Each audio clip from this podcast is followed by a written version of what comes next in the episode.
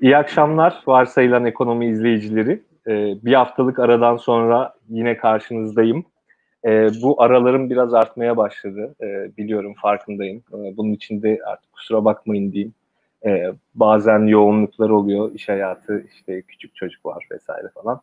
Siz bu durumları biliyorsunuz. O nedenle e, artık e, daha düzenli yapmaya çalışacağım diyeyim. En azından bu konuda söz verebileyim. Şimdi bu akşamki konuğum e, tüketici içgörüleri uzmanı Akan Abdullah. Kendisi stratejist, reklamcı, işte tüketici içgörüleri uzmanı artık ne diyebilirseniz e, üzerine girebilirsiniz biraz e, bu konularda. E, biliyorsunuz programım 45-60 dakika arası sürüyor. Eğer şu an bu programı izliyor ve Daktilo 1984'ün YouTube kanalına abone değilseniz ona da abone olursanız çok sevinirim. Ee, bu arada eğer bu konularla ilgilenen arkadaşlarınız olduğunu düşünüyorsanız yayını da paylaşırsanız, onlara da gönderirseniz e, bunun için de çok sevinirim, çok minnettar olurum. E, biz biliyorsunuz bu yayınları sizlerin destekleriyle yapıyoruz. Okuyucularımızın, izleyicilerin destekleriyle. E, onun için aşağıda bir Patreon linki var. Ona da eğer e, gönlünüzden ne koparsa demeyeyim artık çok şey olur da e, bize destek vermek isterseniz o linkten nasıl destek verebileceğinizi görebilirsiniz ki bizi izlemeniz, işte arkadaşlarınızla e, ilgisini çekeceğini düşündüğünüz insanlarla paylaşmanız bile e, bizim için e, bir destek sayılır.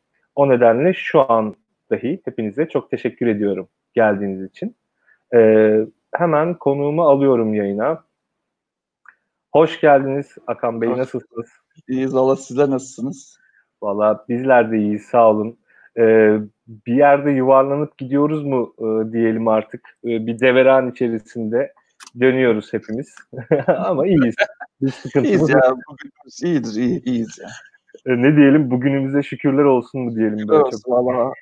Yani salgının içindeyiz ya. Hayattayız, sağlıklıyız daha ne ne diyeceğiz? Tabii tabii. Tabii çok hakikaten e, o konuda şükürler olsun. Peki şimdi Akan Bey ben önce bir tebrikle başlayayım.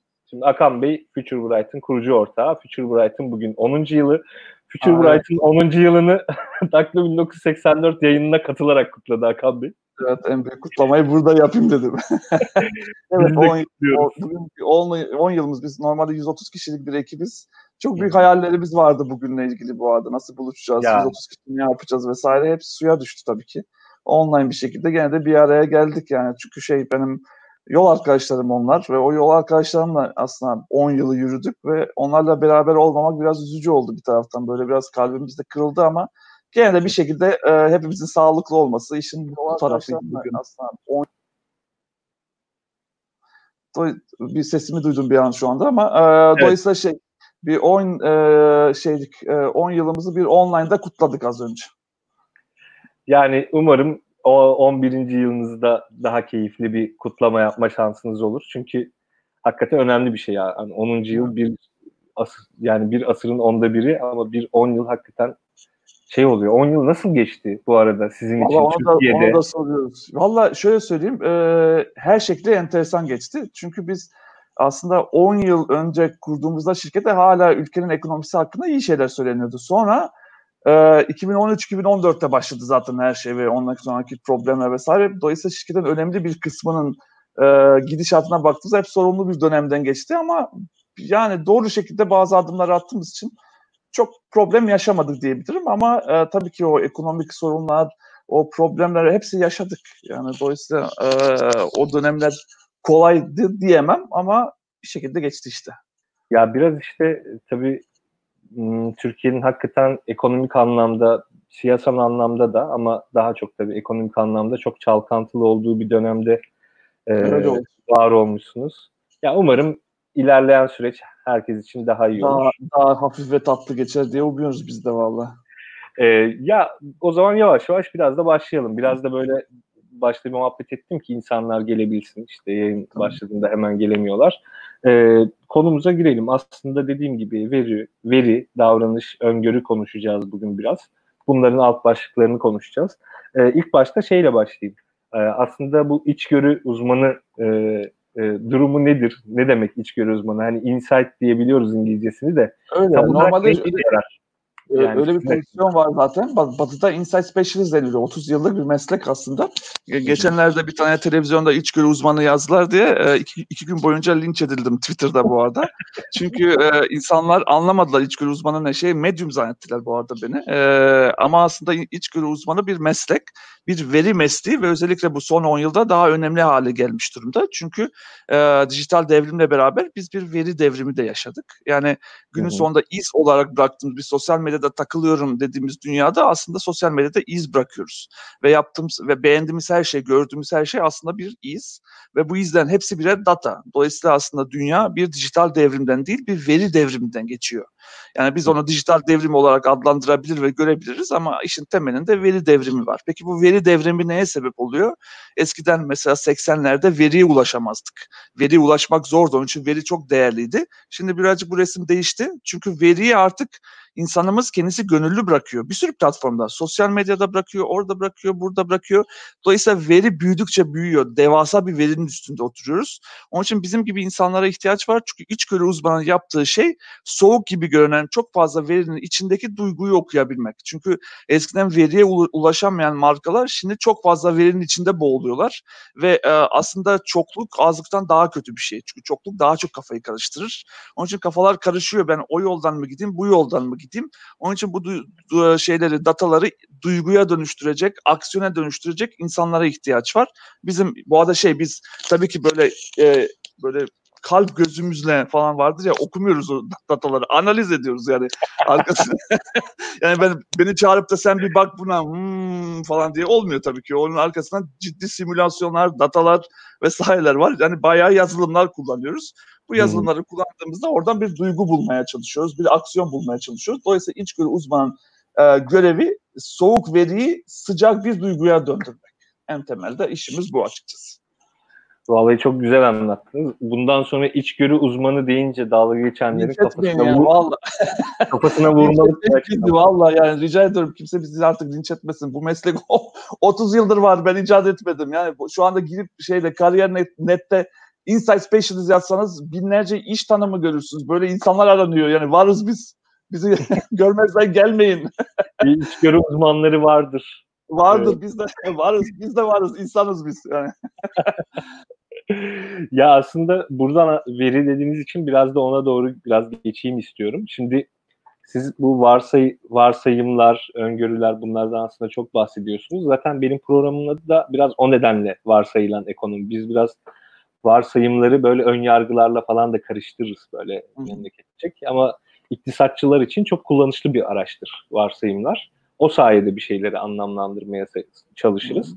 Şimdi davranışsal iktisat, davranışsal ekonomi, işte bu pazarlamanın davranışsal ekonomiye girmesi, bunların ikisinin beraber çalışması sonucunda varsayımlarımız, bazı varsayımlarımız haliyle yıkılmaya da başladı. Burada da veri hakikaten çok önem kazanmaya başladı. Ben işte biraz önce anlattığınız açıklamayı alıp biraz başka bir soru sormak istiyorum. Bu veriler ve aslında bireyler arasındaki ilişkisiz e, bireylere aslında bir şeyi pazarlamak istiyorsunuz ya da onlar üzerinde işte bir şey e, etki bırakmak istiyorsunuz. E, fakat çok toplu, çok büyük veriler kullanıyorsunuz. Buradan e, bireyleri yani veri veriden inceleyince biz bireyi görebiliyor muyuz? Yoksa e, bize bazı ön yargılar mı yükler veriler? Çünkü insanların aklında en büyük soru budur. Ya koca koca verileri işte alıyorsunuz. Ben insanım kardeşim işte benim halimi anlıyor musun, dinliyor musun diye. Hani böyle temel bir soru vardır. Aslında bu soruyu biraz daha böyle çetrefilli ve işte dolaştırarak sormuş oldum. Ne dersiniz? Bu arada ben e, çok güzel bir soru oldu. Ben hep şunu söylerim bu arada. E, iyi bir içgörü uzmanı, tüketici içgörüleri uzmanı diyelim hadi. İyi bir tüketici içgörüleri uzmanı büyük veriyle küçük veriyi iyi kombine eden kişidir. Şimdi bu ne demek? Aslında şu demek e, büyük veriler içinde milyonluk veriler çünkü bir, bir tane segmentasyon yapsanız ki segmentasyon nedir onu anlatayım. E, öbekler çıkartsanız yani bir bir konuda atıyorum süt tüketiminde nasıl tüketici öbekleri oluşuyor diye baktığınızda hepsinin içinde üçer milyon kişi bulursunuz. Bu çok büyük e, ve e, dediğiniz gibi bazı gerçekleri ve da, duyguları gizleyen büyüklükte datalar bunlar. Ama onların içinde belli başlı davranışlar gösteren kitleleri oradan çekip bireysel olarak bilinçaltına da inmenizde fayda var. Biz bunu nasıl yapıyoruz? Nasıl bir kombinasyon yapıyoruz? Şöyle e, bir kitlenin önce o büyük datadan o büyük veriden o kitleyi buluyoruz, tanımlıyoruz. O kitlenin içinden örneklemler çıkıp o örneklemler bazından daha bilinçaltına inmeye çalışıyoruz. Peki ne yapıyoruz orada? Şöyle şeyler yapıyoruz mesela. Bilinçaltına inmek için bu kişine kişiyi çağırıyoruz. Diyoruz ki sen kendine ilgili imgeler getir. Seni sembolize eden imgeler getir. İmgeleri getiriyor. Bu imgeleri getirdiği zaman bizim böyle 10 bin tane imgelik bir tane database'imiz var. Onun içinde e, karşılaştırmalar yapıyoruz ama o imgeleri de anlatmasını istediğimizde günlük dil içinde kullandığı metaforlara bakıyoruz. Mesela benzetmelere. Dolayısıyla bu bireyin bilinçaltına inip bilinçaltında aslında bariyerlerin ne olduğunu, isteklerin ne olduğunu, korkuların ne olduğunu görüyoruz. Onun için ben sürekli şunu söylüyorum. Evet büyük veri devriminin içindeyiz. Evet şu anda herkes el üstünde tutuyor büyük veriyi ve rakamlar büyüdükçe birazcık şey noktasına getiriyoruz. Orayı böyle rakamlar büyüdükçe daha güvenilir görüyoruz ama bazen çok e, kritik olan ve duymamız gereken hikayeleri de gizleyebiliyor bu büyüklük. Onun için içinden bire, bireyi çıkartmak, duyguyu anlamaya çalışmak için bazı bilinçaltı şeyleri, e, metodolojileri de kombinasyonunu yapıyoruz ve iki tarafa da bakıyoruz. Onun için mutlaka büyük verinin yanında biz küçük derin veriye de inmeye çalışıyoruz. Bu bir kombinasyon. Kesinlikle. Ben zaten hep böyle bizim akademide öyle garip bir tartışma vardır yani. Niceliksel çalışanlar, niteliksel Ayrışmışlardır da öyle. İkiye ayrılmışlardır. Ya bunun ne anlamı var? Yani beraber iş görmemiz lazım. Ya da ya işte en azından iki tarafında hani bir en azından diğer konuyu bilmesi lazım. Hani e, ne olduğunu, neler döndüğünü anlayabilmesi için. Bu arada pazarlama dünyasında da aynı bu arada Enes Bey. Yani onu söyleyeyim. Aynı. Orada da çok ayrışmış durumdalar. Big datacılarla işte birazcık daha small data, derin datacılar ama ikisinin kombinasyonu çok iyi çalışıyor. Hem şeyi görmemiz lazım, hem bütünü görmemiz lazım, hem içerideki bireyi görmemiz lazım. Çünkü şunu söylüyorum, aslında temelde hep söylediğim şeylerden bir tanesi bu İnsanlar e, en büyük problemlerden bir tanesi hep söylüyorum. Kendi öğrencilerime de şunu söylüyorum. Diyorum ki en büyük problemlerden bir tanesi bazen hikaye duymak istemiyoruz. Bakmayın siz yani biz bir bütünsel bir resim görmeye çalışıyoruz ama içindeki hikayeleri duymak istemiyoruz. Çünkü hikaye dediğimiz şey e, bize bazen çok vasat geliyor. Yani şimdi açık açık konuşalım. Yani e, işte belli bir kariyerden geçiyoruz, belli bir eğitim alıyoruz vesaire ve maalesef e, gittiğimiz o evlerdeki duyduğumuz o hikayeler bizim hayatlarımıza benzemiyor. Yani konuştuğumuz insanların çok şey e, normal hikayeleri var. Anlatıyor kadıncağız Kayseri'den genç evlenmiş, Kayseri'den göç etmişler. İşte şey eşi çalışıyor, kendisinin en büyük umudu çocukları vesaire. İşte biz bunu e, sürekli bir kendi referanslarımız dünyasında dinlemeye devam edersek tabii ki ne oluyor aslında temelde? Çok bize vasat geliyor. Onun için bu hikayeleri çok dinlemek istemiyoruz. Oysa ki bu hikayeleri doğru bir şekilde dinlersek aslında temelde bu hikayelerin içinde hepsinin bir umut olduğunu, bu hikayelerin hepsinde bir duygu olduğunu, bu küçük hikayelerin içinde aslında bu kendi bariyerlerimiz ve okuma şekillerimizi atarsak bu hikayelerin içinde duyguyu gördüğümüz nokta bu hikayeleri sevmeye başlıyoruz. Onun için bu gittiğimiz evlerde o küçük e, hikayelerdeki duyguyu dinlememiz gerekiyorsa kafamızla değil biraz kalbimizle duymamız gerekiyor. Yani e, vasat gibi görünen o hikayelerde güzelliği görmemiz gerekiyor. Bazen biz göremediğimiz için aslında anlamıyoruz. Yani çok dinliyoruz dinliyoruz anlattığı hikaye bize çok yani şey geliyor vasat geliyor. O zaman ne yapıyoruz? Böyle bütünsel bir şeyden sonra çıkaralım çok da bireye inmeyelim diyoruz. Ama bence e, iyi bir içgörü uzmanı bütünseli gördüğü kadar kesinlikle hikaye dinlemesini bilir ve vasat gibi görünen şeydeki güzellikleri mutlaka görür her e, şey görünen, averaj görünen hikayenin içinde mutlaka bir umut vardır. Çok çocuklarıyla ilgili bir şey anlatıyordur. Belki kendi hayatını istediği gibi yaşayamamıştır ama çocuklarıyla ilgili, kızının eğitimiyle ilgili mutlaka bir hayali vardır o kadının. Yani sen onun kalbini açamadıysan, derdini anlatamadıysan o hikayeyi duymazsın. Duymadığın zaman da dinlemek istemezsin. Onun için biz bireye e, inmek istemeyenleri çok görüyoruz. Çünkü kendileri birazcık kalpleriyle dinlemeyi bilmedikleri için o vasat gibi görüyorlar ve çok inmek istemiyorlar açıkçası. Ya bu bireye inmek istemeyenler şey mi ya hani e, iki tane çamaşır var birini batırıyor tertemiz birini batırmıyor. Biri kirlenmiş biri temizlenmiş. Hep öyle, hep öyle. Yani şey gibi görüyoruz. Onları böyle e, çok özür dilerim geri zekalı yani yıllarca an, böyle bir iletişim yapıyoruz. Yıllarca anlattık hala anlayamadı bu kadın. Yani bir türlü o çamaşır şeyini şey yapmadı ama işte yani oyun için anlamadığımız için zaten reklamlarımızı öyle yapıyoruz vesaire. Bu arada şeyi sürekli biz söylüyoruz yani mesela yıllar boyunca şöyle reklamlar yaptık. İşte sen mutfağında köle tamam mı?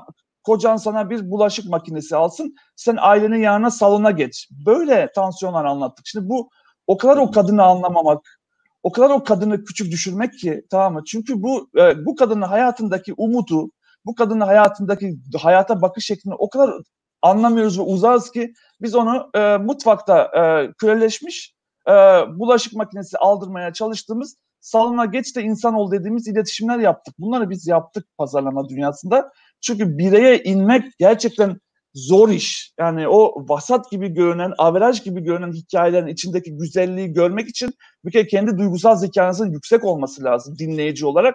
E onu çok bulamıyoruz maalesef yani. O zaman ne yapıyoruz? O zaman data gelsin. Çok büyük datalar üzerinden varsayımlarımızı yapalım artık doğru çıktığı kadar çıkar. Onun için kombinasyon gerekiyor. Yani büyük veriyle küçük verinin ve duygunun kombinasyonunu doğru yapmak lazım. Ya bu, bununla ilgili iki şeyi söyleyeyim. Geçen e, bir yerde denk geldim. Nerede olduğunu hatırlamıyorum ama Citroen'in bir arabası işte bu Beetle'ın e, karşılığı olan işte daha böyle halk arabası, ucuz falan bir arabası varmış. Çok uzun yıllar yani 80'lere kadar falan şey yapmışlar. Bu önden hani çevirirsin de çalışır ya araba. Hı hı. Neden böyle yapmışlar? Çünkü bu araba kırsala hitap edermiş Kırsalda da herkesin evinde işte karısı var. Adam arabaya binince karısı nasıl olsa çevirir, çalıştırır falan. çok, çok yani, bu hikayeyi her defa duydum bu anda. Evet, sadece Türkiye'de değil yani hani bu her yerde oluyor. Şey yavaş yavaş çözülüyor anladığım kadarıyla. Ya biz o konuda bayağı eğitildiğimizi falan düşünüyorum ben. Yani son bir 10-15 yıldır gerçekten herkes bir eğitildi. Ee, bu işte derinlemesine incelemeler ve işte yüzeysel bakışlar falan demişken de hakikaten bu yani doğru sample'ın içinden çok iyi seçilmiş örneklemlerle yapılan derinlemesine mülakatlar gerçekten çok faydalı çok ama o müthiş. Çok büyük verir. Hatta ben e, biz ben, benim ha, o ortaklarımdan bir tanesi Harvard'da bir profesör zaten Olson Zatman'la ortağım. Bana şey göndermişti hatta e, doğru bir e, örneklemle derinlemesine görüşmelerin versus binlerce örneklemli kantitif çalışmaların karşılaştırıldığı ve doğru içgörüye götürme yolunda hangisinin daha etkin olduğuyla ilgili bazı raporlar göndermişti. Bazı çalışmalar yapılmış. Vallahi hiç e, büyük örneklemler olmadan bile çok ciddi doğru içgörülerin çıktığı çalışmalardı bunlar. Tabii. Ya ama işte bazı fenomenleri de anlamak için e, yani büyük veri Tabii. çalışmak gerekiyor. Yüzde yüz gerekiyor.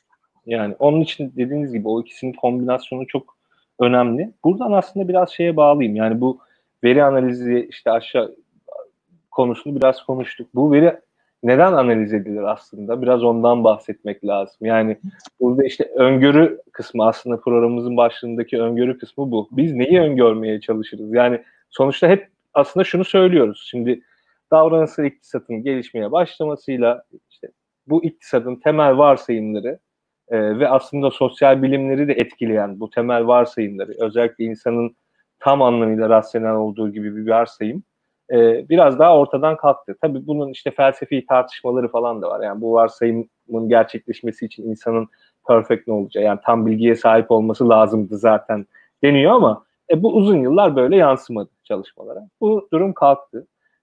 Halen mi insanlar öngörülebilir? Yani öngörülemez diyoruz kaç yıldır artık. Hani insan öngörülemez bilmem ne falan filan. Biz neyi öngörmeye çalışıyoruz daha çok? Aslında biz şöyle, e, doğru az evvel söylediğiniz şey aslında sorunun içinde biraz cevap da gizliydi. Biz 50 yıldır pazarlama dünyasında e, hep homo economicus dediğimiz, az evvel söylediğiniz gibi mantıklı insanı aradık. Çünkü mantıklı insan mantıklı karar veren insandır e, gözüyle baktık ve sürekli bütün pazarlama eforlarımızı 50 yıldır mantıklı tüketiciye yönlendirdik. Şimdi bir brief baktığınızda, bir planlamaya baktığınızda pazarlama dünyasında sürekli iki tane şeyi vazgeçilmez olarak görürsünüz. Bu aslında bir modeldir, düşünme modelidir. Birincisi şudur, e, ana fayda. Mutlaka her e, çalışmamızda önce ana fayda yararız. Yani tüketici sanki şöyle bir şey soruyormuş gibi. Peki ben bana olan faydası ne bu işin? Bazen sorabiliyordu ama sanki bunu sürekli soruyormuş gibi. İkincisi de inanma sebepleri. Yani beni şimdi inandır. Yani resmen şöyle bir tüketici arıyorduk biz 50 yıldır hayatımızda bir tamamıyla faydacı, iki e, sürekli bir mantıkten karar veren ve inanma sebeplerini duymadan harekete geçmeyen. E şimdi biz son 50 yılda böyle inanırken, böyle tüketici ararken böyle tüketicinin hiç olmadığını son 10-15 yılda, hadi 20 diyelim, 20 yılda öğrenmiş olduk. Pazarlama için büyük bir şok oldu. Onu net bir şekilde söyleyebilirim. Çünkü şunu gördük, biz şunu anladık ki bırakın mantıklı, o e, mükemmel tüketici aramayı e, bizim tüketicimizin beyni zaten kusurlarla doluydu. Yani beynimizin kusurlu bir e, organ olduğunu öğrenmiş olduk. Ve bu kusurlu orga, e, organımızın özelliği şu, bu kusurlara bütün dünyadaki insanlık bazı konularda ortak bir kusurlar.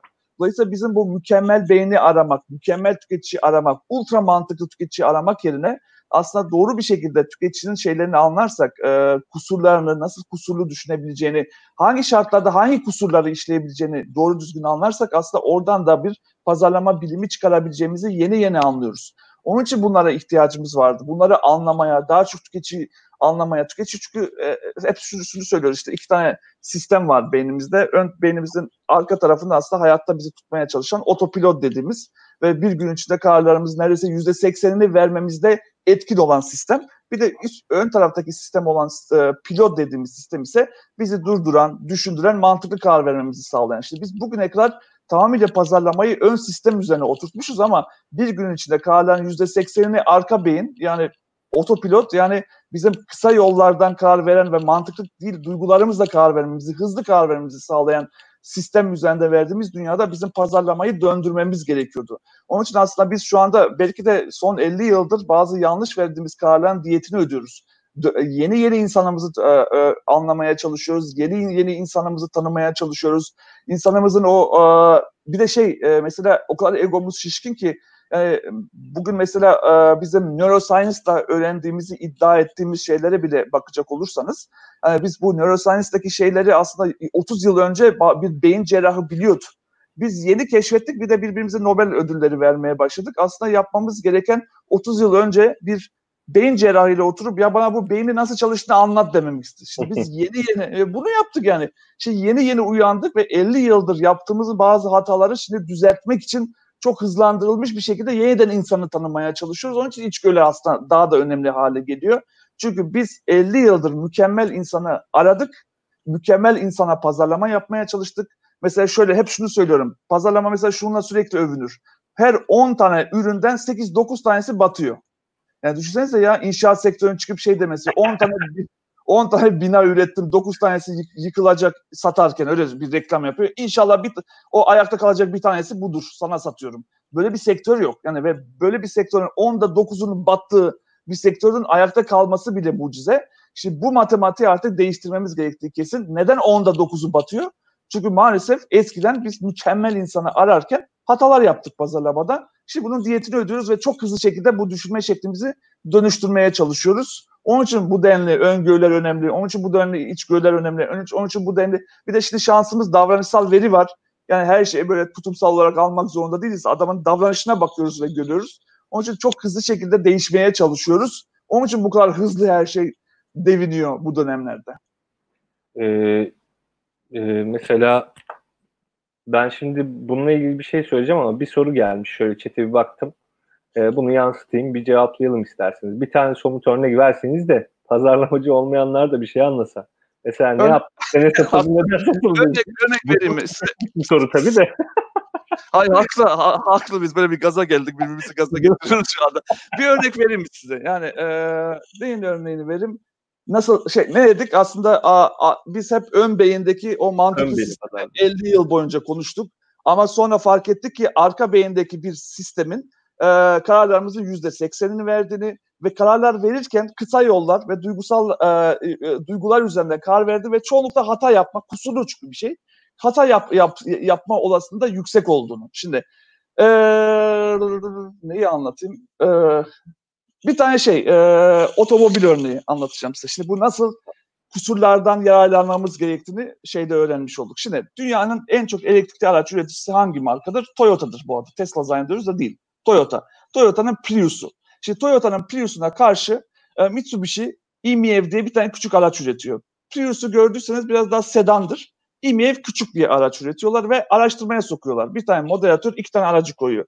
Toyota Prius'u koyuyor, e-Miev'i, Mitsubishi'nin aracını koyuyor ve moderasyon yapıyor. Soruyor tüketicine ah, hangisini alırsın, hangisini beğendin. Şunu görüyor, tüketici her konuda şey diyor, e, küçük olan yeni aracı daha çok beğeniyor. Bu arada bunu YouTube'da bile bulabilirsiniz. Diyor ki daha küçük, daha şehirli, e, daha az harcar, daha cici vesaire her konuda iyi.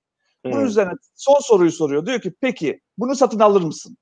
Tüketici diyor ki ya ben onun her konuda daha iyi olduğunu söyledim Prius'tan ama almam. Çünkü ben elektrikli araç nasıl alınır, nasıl kullanılır, nasıl bu sisteme uyarım bilmiyorum. Benim için elektrikli araç almak çok zorluklu, zorlu bir şey diyor. Şunu hmm. anlıyorlar o anda. Aslında kendileri Toyota Prius'la karşılaştırmış olabilirler kendi araçlarını. Mitsubishi'nin yöneticilerinden bahsediyorum. Ama tüketici aslında Toyota ile onu karşılaştırmıyor.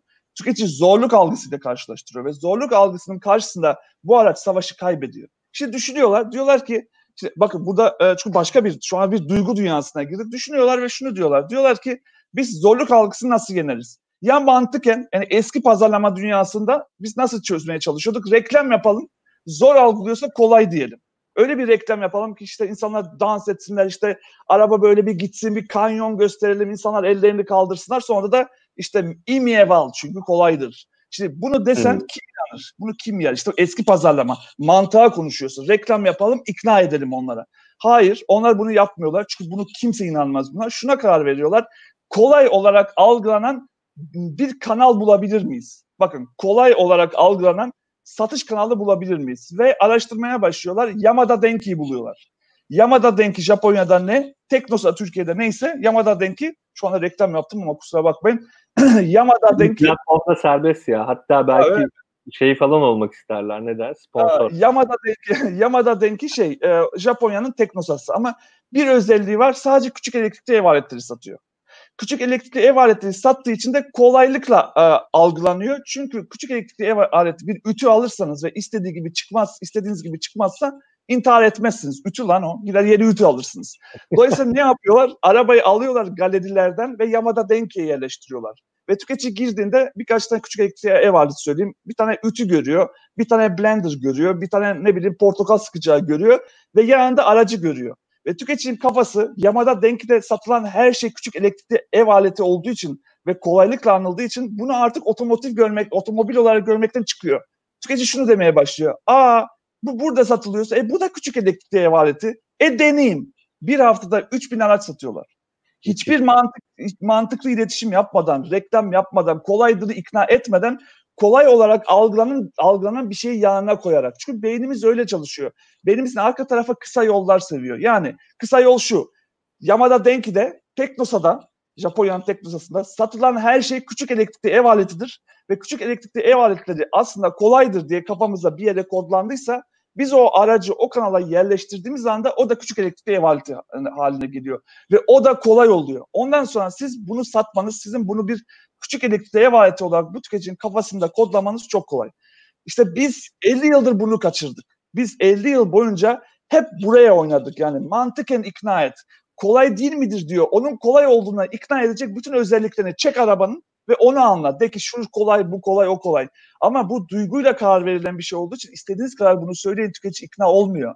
Ama tüketicinin e, arka tarafındaki o duygusal zekasının kısa yollarında kolay ve ele, küçük elektrikli ev aletleri zaten yapıştıysa tek yapmanız gereken şey koymak.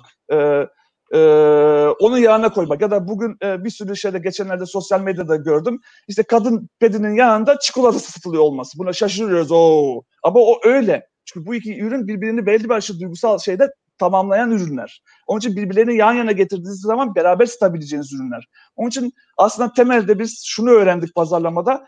50 yıl boyunca ön beyin mantıklı, tüket, mantıklı tüketici aramışız ama bu tüketici hiç olmamış.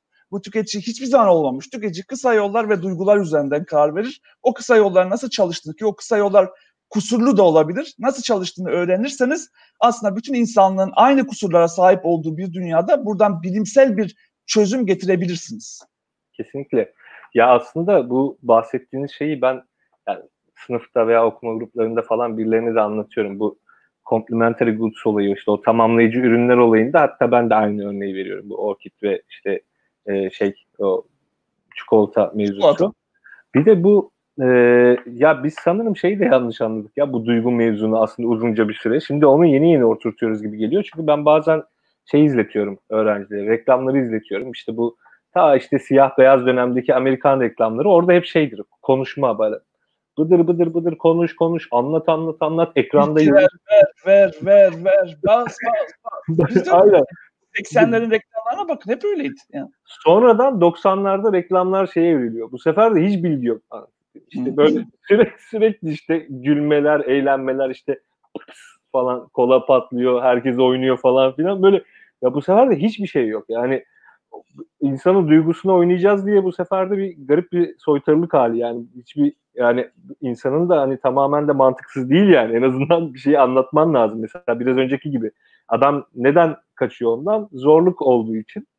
E, kolay olduğunu hani anlatman lazım da bunu tabi bıdı bıdı yaparak anlatamıyorsan işte medium'unu değiştirerek falan anlatabiliyorsun. Bu bu arada çok güzel bir şeye benzettim ya bunu Dadaistlerin işte o Mar- Marcel Duchamp'ın klozeti gidip e, sanat galerisine koyup da al işte sana sanat budur dışarıya koysam çöptü işte içeri koydum sanat oldu demesi gibiymiş.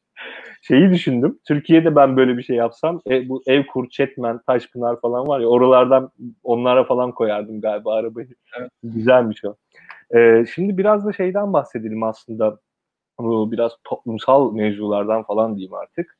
E, bu verilerden bahsetmişken son zamanlarda şey de var. Sizin de tabii e, hem kaynağınız hem de işte çok ilgilendiğiniz bir alan. Veri yerel, yerelleştirmesi e, diyebiliriz biz. E, insanlar şey olarak bilir işte ya Facebook gelsin buraya e, şubesini kursun, Twitter şubesini kursun, YouTube şubesini kursun diye bir baskı var siyasi iradeden. E, bir de e, yani dünyanın her yerinde de biraz olduğu gibi bu buranın verisi burada kalsın, e, dışarıda tutulmasın şeklinde bir baskı var. Ama insanların da bu konuda bazı çekinceleri var. Aslında e, bir işte ilk başta bunu vergiyi öne sürerek yapmaya çalıştılar. O çözüldü ama yerelleştirme, veri yerelleştirme konusu çözülemedi. Ee, insanların çekincesi de şu ya ben verilerimi sürekli işte bir denetim altında e, devletin evet, altında olacak. Bu da çekince Tabii, çok büyük bir çekince. Devlet e, iki çekince. Biri o işte sansür mevzu, ikincisi de benim dediğim mevzu. Hani bu sürekli devletin denetimi altında olursa bu veriler e, buradan çıkmazsa yani insanlar kendini sanırım buradan daha dışarıda daha güvende hissediyor. Böyle bir sorun var. Siz ne düşünüyorsunuz bu konuda? Sizin için çünkü buna ben şey açısından bakmadığınızı biliyorum. Yani sadece siyasi açıdan bakmadığınızı biliyorum. Bunun belli başlı mantıklı veya mantıksız tarafları var. Biraz evet. onlardan bahsederseniz sevinirim. Önce önce şunu anlatalım. Yani e, az evvel e, onu da konuşuyorduk. E, dijital devrim az evvel dedik ya aslında dijital devrim bize anlatılan bir hikaye. Dijital devrim falan yaşanmadı. Biz veri devrimi yaşadık. Ve biz mesela sosyal medyaya niye girdin diye gençlere sürekli sorduğumuzda bize şey cevap veriyorlar. Artık birazcık özgürlük istedim. Orada istediğim gibi bir persona yaratabiliyordum, bir karakter yaratabiliyordum. Gerçek hayatta yaşayamadığım özgürlükleri orada yaşıyordum diyorlar bize. Şimdi biz, biz şunu sürekli söylüyoruz. E, sosyal medya özgür olabileceğimiz en son yer. Çünkü sosyal medyanın arkasında aslında yazılımlar var. Bunlar devasa çok güçlü yazılımlar ve bu yazılımların ana görevlerinden bir tanesi size iz bıraktırıp o izlerin üzerinden sizi tanımak. Peki bu sistem nasıl çalışıyor? Bir zaman sonra sizi tanıdıktan sonra bu özgür gibi görünen dünyanızı siz yeterince iz bıraktıktan sonra daraltmaya başlıyor bu yazılımlar. Yani neye göre daraltıyor? Sizin gibi düşünen ve sizin hoşlanacağınızı düşündüğü içerikleri seçip seçip sizin önünüze atmaya başlıyor. Sizin Facebook'ta 100 tane arkadaşınız olabilir ama bir zaman sonra siz e, sadece 30 arkadaşınızı görür hale geliyorsunuz. Yani mesela bazı şeyler görüyorum Facebook'ta şöyle teyzelerimiz, amcalarımız şöyle bir şeyler uzun bir tekst paylaşıyorlar ve sonunda şunu sor, yazmışlar. Eğer bunu sonuna kadar oku, ok, okuduysan sen benim gerçek arkadaşımsın tabi diye yaz. Altına da bizim bütün teyzeler tabi tabi tabi yazıyorlar. Oysa ki, oysa ki farkında değiller. Sadece 30 kişiye gösterecek onu ve 30 kişi tabi yazabilir oraya ama geri kalan 70 kişinin bir suçu yok. Onlara zaten sosyal medya, Facebook'taki algoritma yazılım göstermedi bile bunu. Şimdi bu dünya çok daraltılmış bir dünya. Çünkü bir zaman sonra kapandığımız odanın içinde sadece biz ve bize benzerler var. Kendi yankımızı duyuyoruz. Onun için yankı odaları diyoruz biz buna.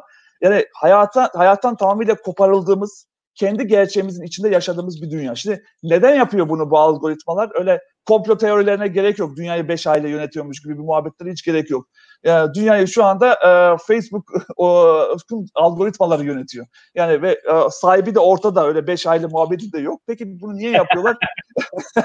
Ticaret için yapıyorlar bunu. Çünkü şunu biliyorlar ki e, aynı insanları bir grubun içine e, grupladığınız zaman, segmente ettiğiniz zaman onlara ürün satmak daha kolay. Hatta sürekli şunu söylüyorum. Ben diyorum ben Akan'ım diyorum benim hayatımı anlat deseniz şu anda eşimi anlatırım, iki tane kızımı anlatırım, hayatımda yaptıklarım, nerede doğduğumu, hayatta neler çektiğimi. Şimdi bir hikaye gibi duyuluyor ya bu.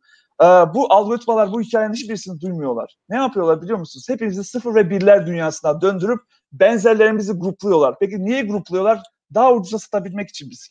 Atıyorum Facebook'ta bir tane içerik girdik. Facebook bana diyor ki sana benzer bin kişiye bunu 24 liraya göstermemi ister misin? Bakın benim bana benzer bin tanesini toplamış bir çuvalın içine koymuş. Hepimizi 24 liraya satıyor. Benim fiyatım 24 kuruş olmuş. Toplam fiyatım 24 kuruş. Yemişim diyor senin hayatını. Şimdi bu datanın gittiği yer ve bu datanın sizin hakkınızda pardon bu yazılımların sizin hakkınızda top, e, topladığı veri etik midir değil midir bunu gerçekten tartışmamız gerekiyor. Bunu gerçekten tartışmamız gerekiyor. Ben kusura bakmasın kimse sosyal medyayı bir özgürlük sembolü olarak gençlerin kafasına yapıştırmamamız gerektiğini düşünüyorum. Çünkü bu veriler gerçekten çok çok toplanıyor. Bu veriler çok manipüle edilebiliyor. Ha, bugün Amerika bile bakın ABD dünyanın süper gücü diyoruz. 3 yıldır Trump e, seçiminde bir e, algoritma kullanıldı mı kullanılmadı mı Trump'ı bir e, yazılım seçti mi seçmedi mi sorusunu konuşuyor.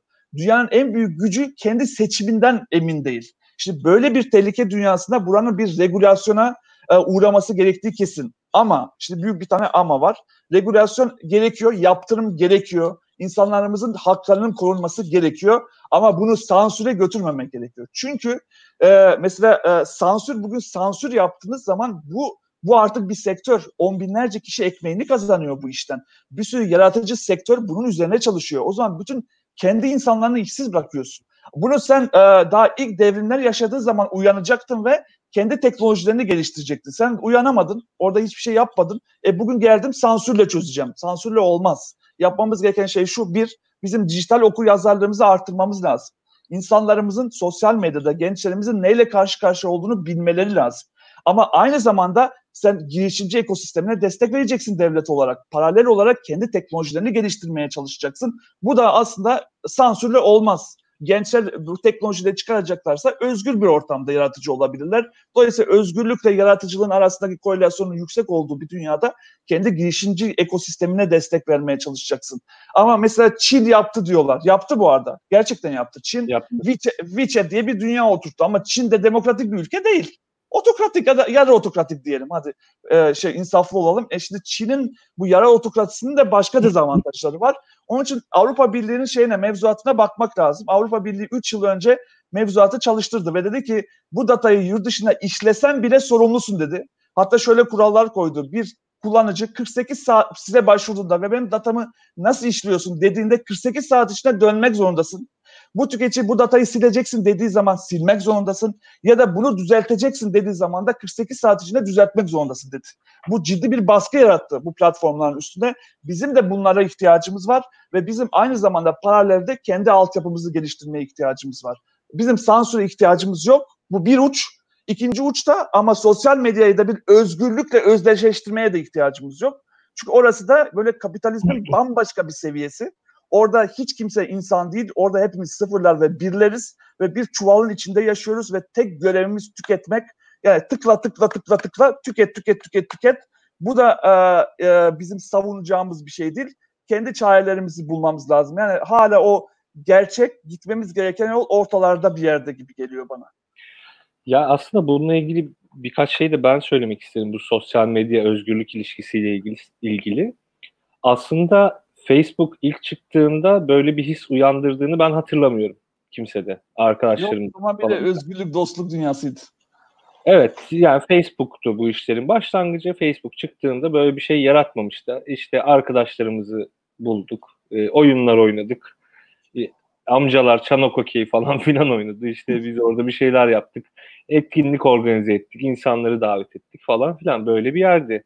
Ama e, yani bu devinim son 10 yılda hani çok hissettirdi. İşte Arap Baharı, bizim burada gezi, şu bu hani insanların e, bir şekilde kendini daha rahat hissettiği, orada işte farklı insanlarla aslında kendine benzediğini düş ben, e, kendine benzeyen fakat hiç tanımadığı insanlarla ortaklaştığı mecra olarak öne çıktı.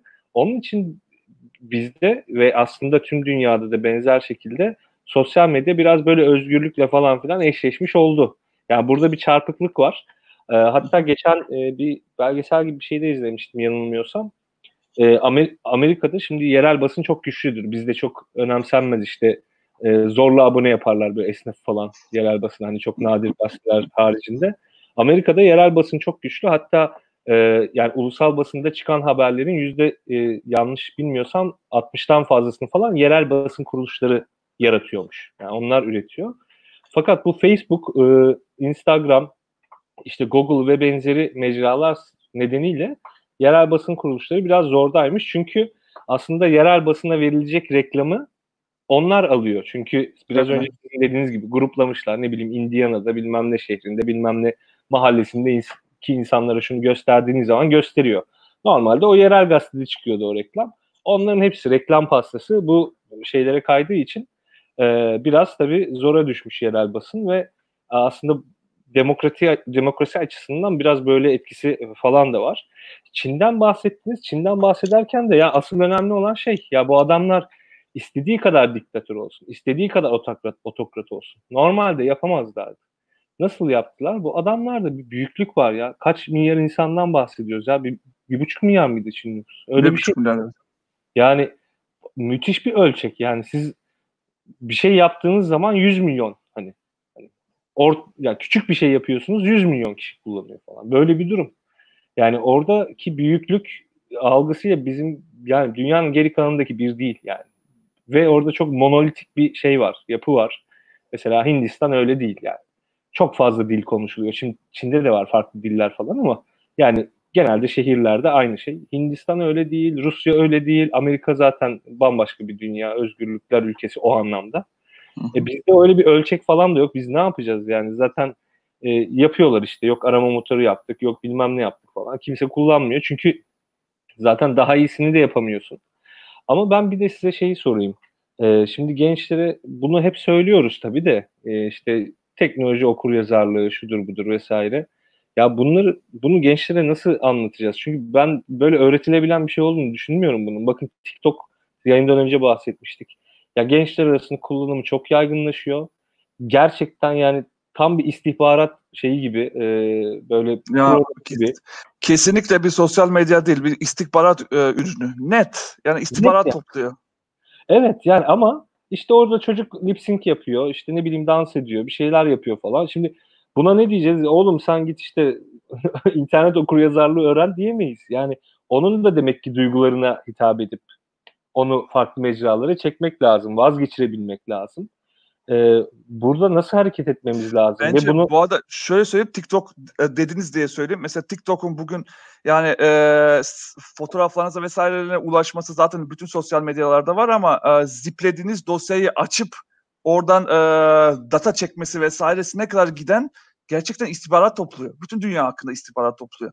Dolayısıyla TikTok biraz bu işi aşmış. Ama ben bu eğitilemez, anlatılamaz, bunlar nasıl çalışır? Ben işin çok teknik tarafında kaldığımızı düşünüyorum eğitimimizde. Ama bunun rahatlıkla bu işin e, kullanımındaki nihai amacı hiç anlatmıyoruz. Aslında arada sürekli durakları anlatıyoruz ve e, e, bu arada hep şunu söyle şöyle başlayayım. Yani bizim en büyük problemimiz aslında biz e, eğitim sistemimizi o batının uzmanlaşması üzerine oturtuyoruz ya. Yani e, uzmanlaşma sistemi üzerine oturtuyoruz. Parça parça duraklar var. Yani tıp sistemini düşünün. İşte bir hastalığa yakalandınız mı o uzmanlık şeyine doğru gidiyorsunuz. Ama bizim mesela doğu kültürüne baktığında, e, baktığınızda bin yıllık doğu kültürüne baktığınızda biz bütünsel olarak bir şey algıladığımızda daha iyi hareket ediyoruz. Onun için mesela bizim işte şey doğu tarafında baktığınızda başınız ağrıdığınızda ayağınıza bir iğne akupunkturla batırırlar başınız geçer. Çünkü biz bedeni doğullar olarak daha bütünsel olarak algılarız. Bizim ana problemimiz bizim bütün eğitim sistemimiz uzmanlıklar üstüne,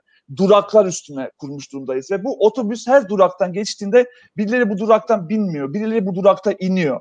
Yani sürekli bir teknik uzmanlıklar öğretiyoruz insanlarımıza ama bu işin nihayede bütünsel olarak nasıl çalıştığını kimse öğretmiyoruz.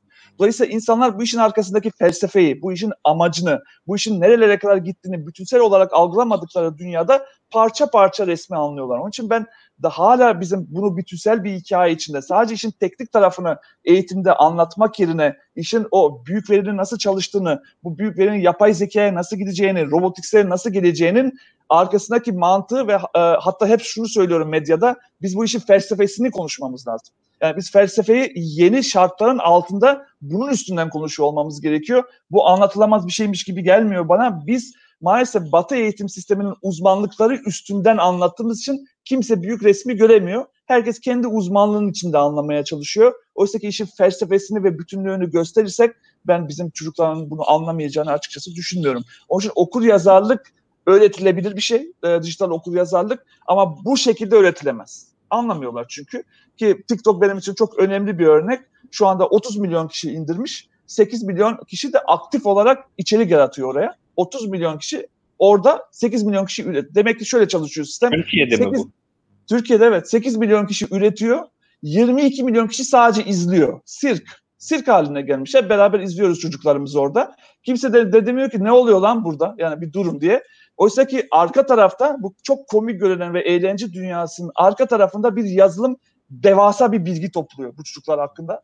Devasa yani duyulmamış bir bilgi topluyor ve bu bilginin nasıl çalıştığını hiçbirimiz düşünmüyoruz. Arkasındaki anlamları, felsefeyi, amaçları hiç konuşmuyoruz. Konuştuğumuz şey işte içerik, o görünen taraf. Bence e, işin daha bütünsel tarafına odaklanırsak ben gençlerimizin anlamayacağını düşünmüyorum açıkçası. Ya içerik görünen taraf da hakikaten yüzümüze tokat gibi çarptı ya. O ne garip garip videolar, nasıl evler, nasıl şey böyle hüzünlü hüzünlü duvarlar falan. Yani öyle olunca ilk insanın dikkatini tabii o çarpıyor. Yani ilk insan gördüğünü aslında.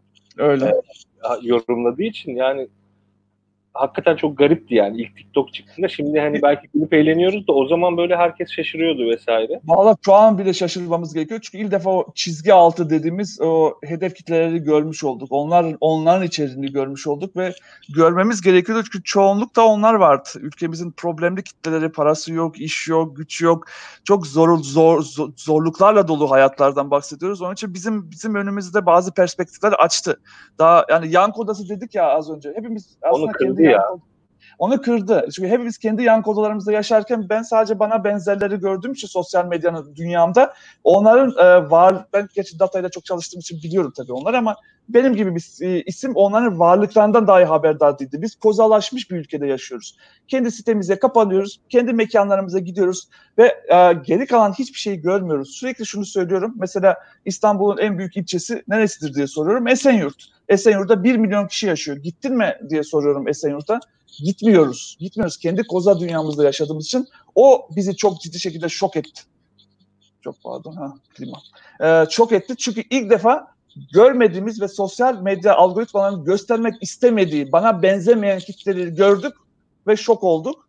Ee, o açıdan evet yararlı oldu. Orası kesin çünkü görmemiz gerekiyor, anlamamız gerekiyor bu insanları. Ama bir taraftan da arka taraftan toplanan veriye baktığımızda ya bu sosyal medya değil bu istihbarat ürünü ya. Yani bunun da bunun da buna da izin vermiyor olmamız lazım. Buna yönelik bazı yaptırımların olması gerekiyor ya.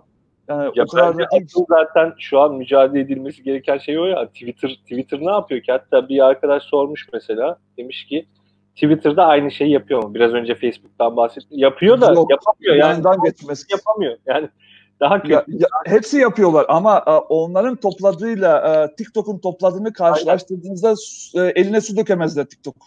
Kesinlikle. TikTok korkunç bir data topluyor arkadaşlar. Korkunç. Yani şeyin datasını topluyor. Telefonunuzdaki hangi app'lerin tümünün listesini çıkartıp bir database'e atıyor. Yani bu kişilerin şeylerin e, telefondaki tüm şeyler, uygulamaların listesini çıkartıyor. Yani böyle bir veri bu korkunç bir veri arkadaşlar. Bu onun için ben şey diyorum ben zaten onun için diyoruz yani sosyal e, e, medya epi değil bu istihbarat ürünü. E şimdi bunun da kontrol altına alınması gerekiyor. Yani sosyal medya özgürlükle özdeşleşmemesi gerekiyor. Hatta biz benim Ahmet Kan'la e, Kasım Han'la şöyle bir kitap yazma arzum var. Neoliberalizm sonuna doğru bu Covid'den sonra hep konuşuluyor ya neoliberalizm sonuna doğru geldik mi? E, ben e, fikrim şu evet yavaş yavaş geliyoruz. Yani devletlerin birazcık zayıfladığı ve devasa şirketlerin öne çıktığı yeni bir neoliberal faşizme doğru da gitmeyelim. Çünkü bu kadar datanı verdiğin Amerika'da seçim dedik bir örneğini de anlatayım işte herkes bize anlasın diye. Bu kadar bir gücü şirketlere veremezsiniz ya. Yani insanlığın kaderini bu kadar derinden etkileyecek şirketler ve datalara izin verirseniz ve hiçbir kontrol mekanizması üzerine oturtmazsanız yani başınıza başka belalar gelir. Amerika örneğini sadece anlatıp seçimler dedik. Ee, biliyorsunuz seyretmişlerdir zaten e, temelde bu Netflix'teki bu şey vardı bunun dizisi ama temelde seyretmeyenler için anlatayım. Bu e, Cambridge Analytica, bu bir şirket. Yaptığı şey aslında Amerika seçimlerinde kimin demokrat, kimin e, işte cumhuriyetçi olduğunu öğrenmek. İşte biz e, ölümlü pazarlamacılar, e, insancıl pazarlamacılar diyeyim. Şöyle düşünürüz. Atıyorum ben CHP için çalışıyorsam AK Partili tanımladığım zaman şöyle bir şey düşünürüm. AK Partili'yi ikna etmek için biraz AK Parti'nin dilinden konuşmam lazım. Bu ölümlü pazarlamacı. Bunu Cambridge Analytica yapmadı. Cumhuriyetçiler ki bu arada Trump için çalışıyordu. Cumhuriyetçiler için çalışıyordu. Cumhuriyetçilerle demokratları saptadıktan sonra ne yaptı biliyor musunuz? Şunu karar verdi. Dedi ki ben cumhuriyetçileri daha çok dışarıya çıkarmam lazım oy atmaya. Ben öyle demokratlara konuşmayayım. Demokratları da evinde tutmam lazım. Kafalarını karıştırmam lazım. Ve ne yaptılar? Demokratlar için yaratılmış olan içeriği yani normalde atıyorum şimdi biliyorsunuz işte Black Lives Matter bu siyahiler tarafından, polisler tarafından öldüren siyahilerle ilgili içerikler 2-3 yıldır bu, 5 yıldır bu içerikler üretiliyordu ama bu içeriklerin hedef kitlesi bohem genç demokratlar içindi. Metropollerdeki demokratlar için ne yaptılar? Ciddi bir para aldılar ve demokratların görmesi gereken içeriği atıyorum şu anda e, CHP'liler için yaratılmış bir içeriğin arkasından ben bunu parayı koyayım ve bu içeriği CHP'lilere değil AK Partililere gösterin. Yani bu içeriği demokratlara değil güneydeki şeylere göstereyim, cumhuriyetçilere. Peki cumhuriyetçiler bu içeriği görmeye başlarsa yaşlı cumhuriyetçiler ne hissederler? Ülke elden gidiyor derler ve deli gibi çıkıp oy atarlar. Peki demokratlara ne yapayım? Onların da kafasını karıştırayım. Hillary Clinton'la ilgili yalan dolan haberleri sürekli önlerine atayım ki şu kafaya gelsinler. Ya bu dönemde de kimseye oy verilmez. Onda bir liderlik şeyi yok diyerek vermesinler. Şimdi bu açık bir manipülasyon. Çok açık bir manipülasyon. E şimdi siz seçim aslında özgürlüğün, demokrasinin taşıyıcı kolonu. Sen seçimin e, algoritma tarafından e, manipüle edildi mi, edilmedi mi sorusunun hala cevabını Amerika gibi bir dev güçte veremiyorsan ve bugün Amerika'yı yöneten bu e, lider bir algoritma tarafından seçildi mi seçilmedi mi sorusunun cevabını bulamıyorsan yani dünyanın kaderini değiştirecek bir şeyden bahsediyoruz ve bir algoritmayla yapıldı. Yani buraya bir kontrol mekanizması gerektiği kesin.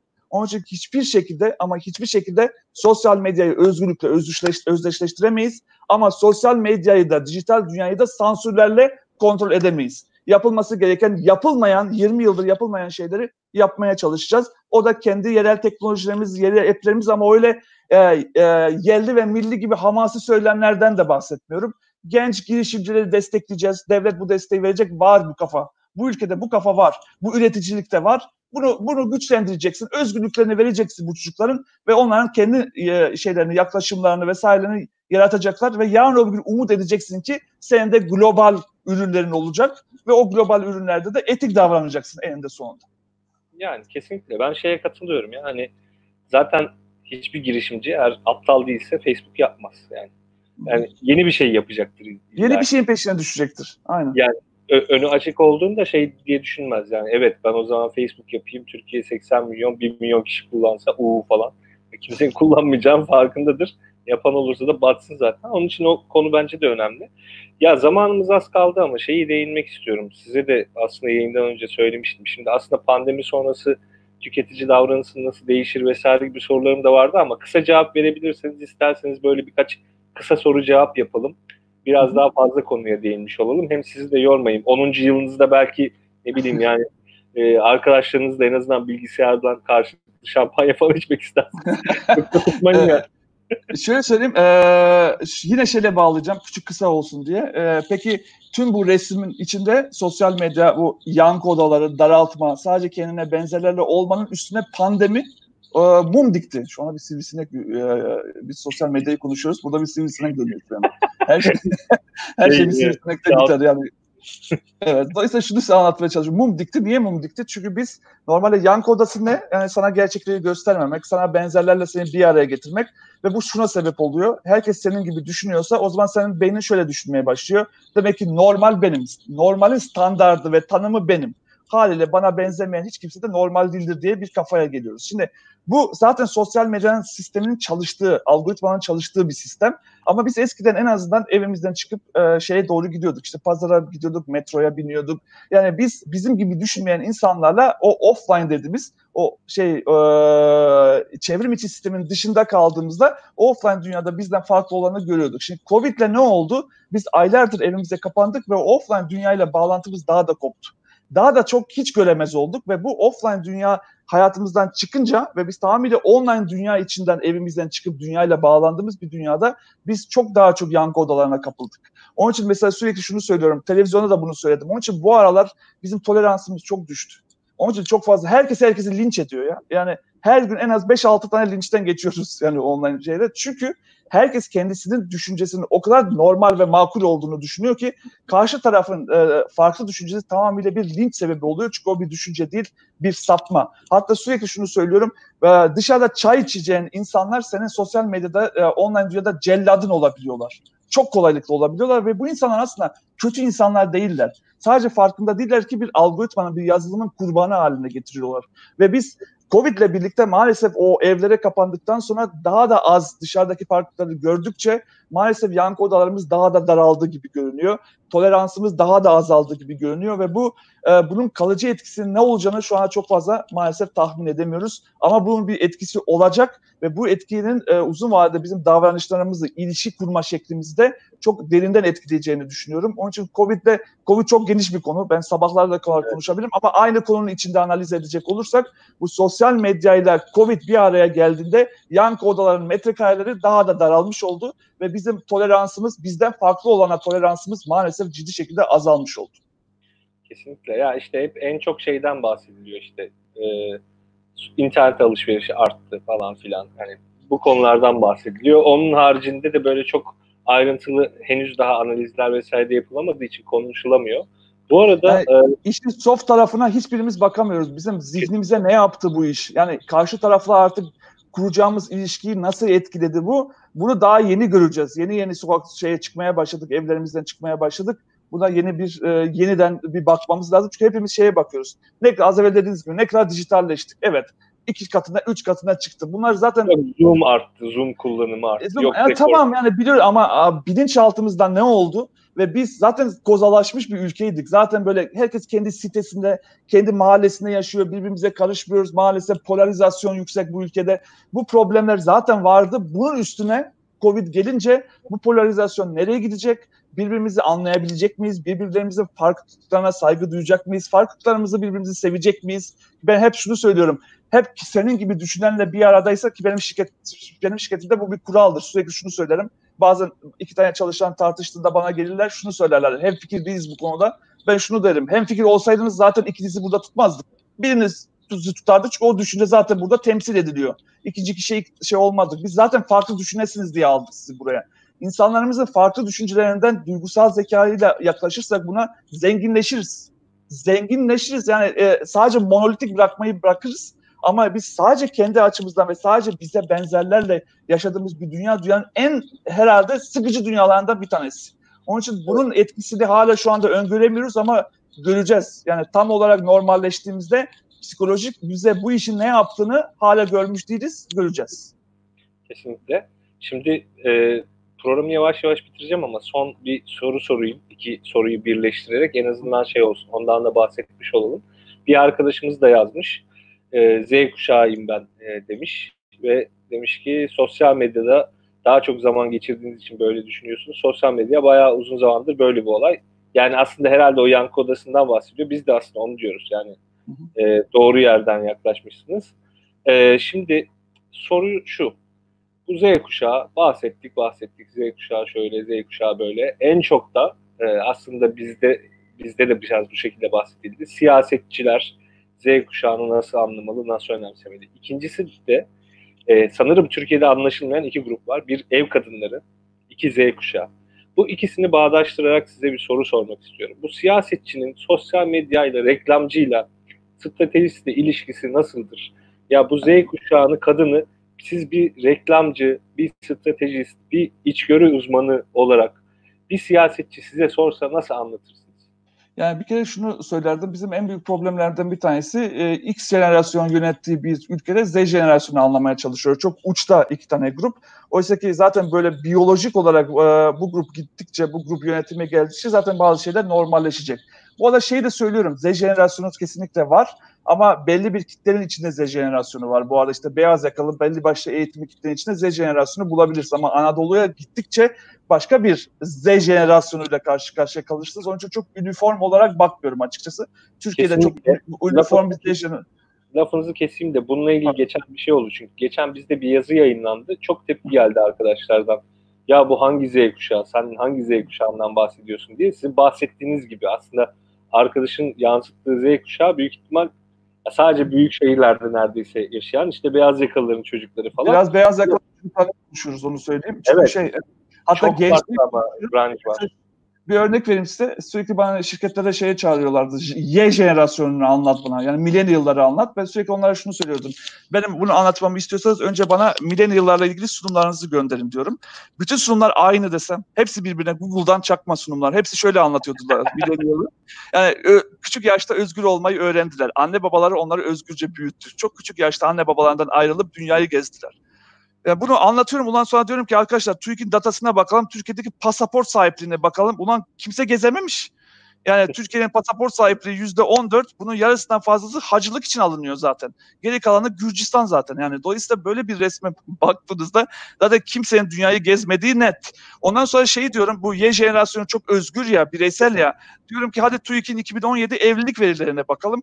Türkiye'nin yüzde altmışı görücü usulü evlenmiş 2017 yılında. Hani özgürlük? Adam evlenirken özgür değil ya. Yani dolayısıyla şey yapmak lazım. Türkiye çok 100 milyonluk popülasyon içinde Türkiye'nin bir şey var, kitlesi var. Bir endişeli modern diyor ya konuda onlara. O kitlenin içinde beyaz yakalı bir dünya. O beyaz yakalı dünyanın bir Z jenerasyonu çocukları var. Orada da üniform, pardon. Gene lafınızı keseceğim. Bir de öyle bir ayrım var. Endişeli modern, şehirli, Hı. işte bu e, biraz bıçıkın e, ya da işte sokak e, mahallenin genci. Mahallenin genci işte MHP'li vesaire. MHP'ye yakın olan mahallenin genci evet. Şimdi, e şimdi onlar ne? Kuşaklar arasında çok geçişken, ya o daha doğrusu o gruplar arasında da çok bir geçişkenlik yok anladığım kadarıyla. Biraz onu da katabilirsiniz hakikaten. E yok tabii ki yani hep onu anlatıyoruz. Mesela az evvel söylediniz endişeli modern var. Modern muhafazakar bir kitle var. Bir de mahallenin genci var. İşte mahallenin genci biraz MHP'ye daha yakın birazcık ve böyle ahlak değerlerinden bahsediyor vesaire birazcık böyle jar, kendi jargonu ve dili var ama bugün e, aslında e, rap'i ünlü yapıyor. Bakın bir alt kültür. Ondan sonra rap bütün Türkiye'nin üstüne kültürü haline geliyor ve hepimiz rap dinler haline geliyoruz. Onun için al bu alt grupları anlamak lazım. Bunları bu kadar genelleyip J jenerasyonu bu yaşta bu yaş arasında herkes Z jenerasyonudur dememek lazım. Bizim çocuklarımızın, gençlerimizin hala görücü usulüyle evleniyor. Mesela görücü usulüyle evleniyor dedim ya, Türkiye'nin e, geri kalan yüzde on dördü kaçırıldım demiş. Bu arada, bu arada gerçek tabii ki gerçek değil. Yüzde on dördü Türkiye'nin kaçırılmadı. Ne oldu? İşte para olmadığı için e, iki aile diyor ki siz kızı kaçırmış gibi yapın. Sonra gelin bizden tamam helallik isteyin. Bu işi kapatalım. Çünkü e, şeyleri o adetleri yerine getirecek para yok mesela bazı ailelerde. Şimdi bu resimler işte burada Z jenerasyonu aramayalım. Onun için Z jenerasyonu var doğru ama belli bir kitlenin içinde Z jenerasyonu var. Bir de burada kadın dediniz. Bir de kadın olayı da mesela çok kritik bana sorarsanız. Birkaç tane kadın evet. datası paylaşayım. Çünkü kadınlarımız da anlamamız gerekiyor. Ee, kadınlara e, biz bir araştırma yapmıştık. Kadınlara kadını tanımlayın demiştik. Bakın kadınlara kadını tanımla dediğimiz zaman önemli bir kısmı anne demişti. Yani bizim e, kadınlarla ilgili sorunlarımızı da çözerken önce kadınlarımızın algılarını değiştirmemiz gerekiyor. Kadını tanımlarken anne olarak tanımlıyoruz. Mesela birkaç data vereyim e, size. E, Bunu vermeden ben bir şey ekleyebilir miyim? Tabii ee, lütfen. Bu, dün as dün müydü bugün müydü ya? İşsizlik verisi açıklandı. Gene işsizlik düştü gibi gözüktü ya. Şimdi oradaki durum aslında şey e, istihdam bizde çok az bunun da en büyük sebebi aslında bizde ev kadını çok fazla. Yani biz OECD ortalamasının çok çok üstündeyiz. Aslında sizin bahsettiğiniz bu şey ona çok uyuyor. Onun için e, dedim araya gireyim. Bunu ikisini bağdaştıralım. Ya kadını tanımla deyince anne diyor. Hakikaten öyle ya. Ev hanımı o kadar fazla ki iş gücüne o kadar katılmıyor ki. Yani işsizliği düşürecek kadar iş gücüne katılmıyor yani. Böyle bir durum var. E, buyurun devam edin. Yani birkaç tane data vereyim öyle de kapatalım. Türkiye'nin yüzde e, kadınların yüzde altmışı hiç deodoran kullanmıyor. Yüzde altmış biri e, kilo olma sorunum yok diyor ama yüzde elliye yakını zayıflamak istiyorum diyor. Böyle kafalar karışıyor o arada. Ee, özel sağlık sigortası olan kadınların oranı yüzde iki. E, yüzde altmışın üstünde düzenli olarak jinekoloğa gitmiyorlar. Ee, kadınlar çalışmalıdır diyenlerin oranı bu arada yüzde yetmiş ikiye çıkmış durumda. Bu iyi e, Türkiye'nin kadınların yüzde 80 civarlarının ehliyeti hiç yok, hiç olmadı. Sadece yüzde altısının pasaportu var. Yani e, non-bankable dediğimiz herhangi bir bankacılık ürünü olmayan kadınların oranı neredeyse yüzde 70'e yaklaşıyor. E, gibi gibi gibi yani e, yüzde 50'si hiç gazete okumamış, yüzde 70'i dergi okumuyor. Ee, her gün TV izleyenlerin oranı yüzde 91. Ortalama olarak 4 ile 6 saat arasında e, televizyon iz, e, izliyorlar. Üzgünüm ama eşinden şiddet, fiziksel ve duygusal şiddet görenlerin oranı yüzde 33. Ee, e, en az bir kez e, aklımdan boşanma geçirdim diyenlerin oranı neredeyse yüzde 30. Türkiye kadınlarının neredeyse yüzde 45'i flörtü kesinlikle uygun bulmuyor. Ee, gibi gibi gibi gibi. Yüzde 64'ü bu arada çocuğunu dövüyor. Başka türlü kontrol edemiyorum diyor. Yani sabaha kadar konuşuruz. Onun için or- burada kapatalım bence. Herkesin yani evet orada tabii. Ya ben yani şöyle söyleyeyim. Türkiye'nin bir kadın sorunu olduğu kesin. Bazı şeyleri çözmemiz gerektiği kesin. Ee, kadın problemi yok. Türkiye'nin bir erkek problemi var. Pardon düzeltiyorum cümlemi. Kesin. Ama bazı konularda kadınlarımızı da eğitmemiz gerektiğini e, düşünüyorum. Yani kadın anne değildir. Kadın kadındır. Yani kadın anne de olabilir. Olmayabilir de. Bu kadına kalmış bir şey. Ama e, öncelikle erkekleri eğit, eğit, e, eğitmemiz gerekiyor bu konuda. Erkek bir erkek problemi var Türkiye'nin ama e, bu eğitim sisteminin içinde mutlaka kadınlara da kendi hakları konusunda eğitmemiz gerekiyor gibi görünüyor. Ya kesinlikle. Benim onu zaten sorma amacım şeydi işte uzun yıllardır işte AK Parti'nin en büyük destekçilerinin ev kadınları olduğunu hep söylerler. Onun da hiçbir zaman değişmediğinden e, yakınırlar. E, anladığım kadarıyla bu durum e, bu ekonomik yani kadınların sosyoekonomik e, pozisyonları değişmedikçe e, bu şey değişmeyecek. Yani çok farklı bir yöne gitmeyecek. İşte belki orada hani ne yapılabilir acaba, reklamcılar ne yapar, ne eder falan onu biraz konuşmak istemiştim ama dediğiniz gibi yani bunu sabah kadar konuşuruz. konuşuruz. Sabah konuşuruz. Yani. Programımızın süresinde açtık. Ee, ben yine kapatmadan birkaç duyuru yapayım. Ee, sizi de böyle ekrandan uğurlamış olayım en azından Akan Bey. Katıldığınız için çok teşekkür ederim. Sağ olun, teşekkür ederim. Benim için çok keyifli bir program oldu. Ee, hatta bence arşivlik bir program oldu. Bu program bence ara ara birileri dönüp izler yani o kadar keyifli oldu. Ee, umarım yakın zamanda tekrar görüşürüz ve ilerleyen süreçte şeyi de konuşmak istiyorum aslında hani öyle bir şey yapmak istiyorum böyle birkaç reklamcı işte davranış iktisatçı falan bu Eylül sonu gibi falan bir şey yapmak istiyorum. Hani tüketici davranışı bilmem ne insanlar ne oldu pandemiden sonra hani çünkü artık yavaş yavaş işte bizim de yürüttüğümüz araştırmalar var sizin de vardır onların sonuçları da ortaya çıkacak. Belki o zaman yine bir e, konuşuruz. Çok sağ olun, çok teşekkürler. Tamam, teşekkür ederim davet için. Görüşmek üzere. Görüşürüz. Arkadaşlar, izley izleyenlerim, sizle de vedalaşayım istedim. Ee, çok sağ olun, çok teşekkür ediyorum bugün izlediğiniz için beni ve Akan Bey'i.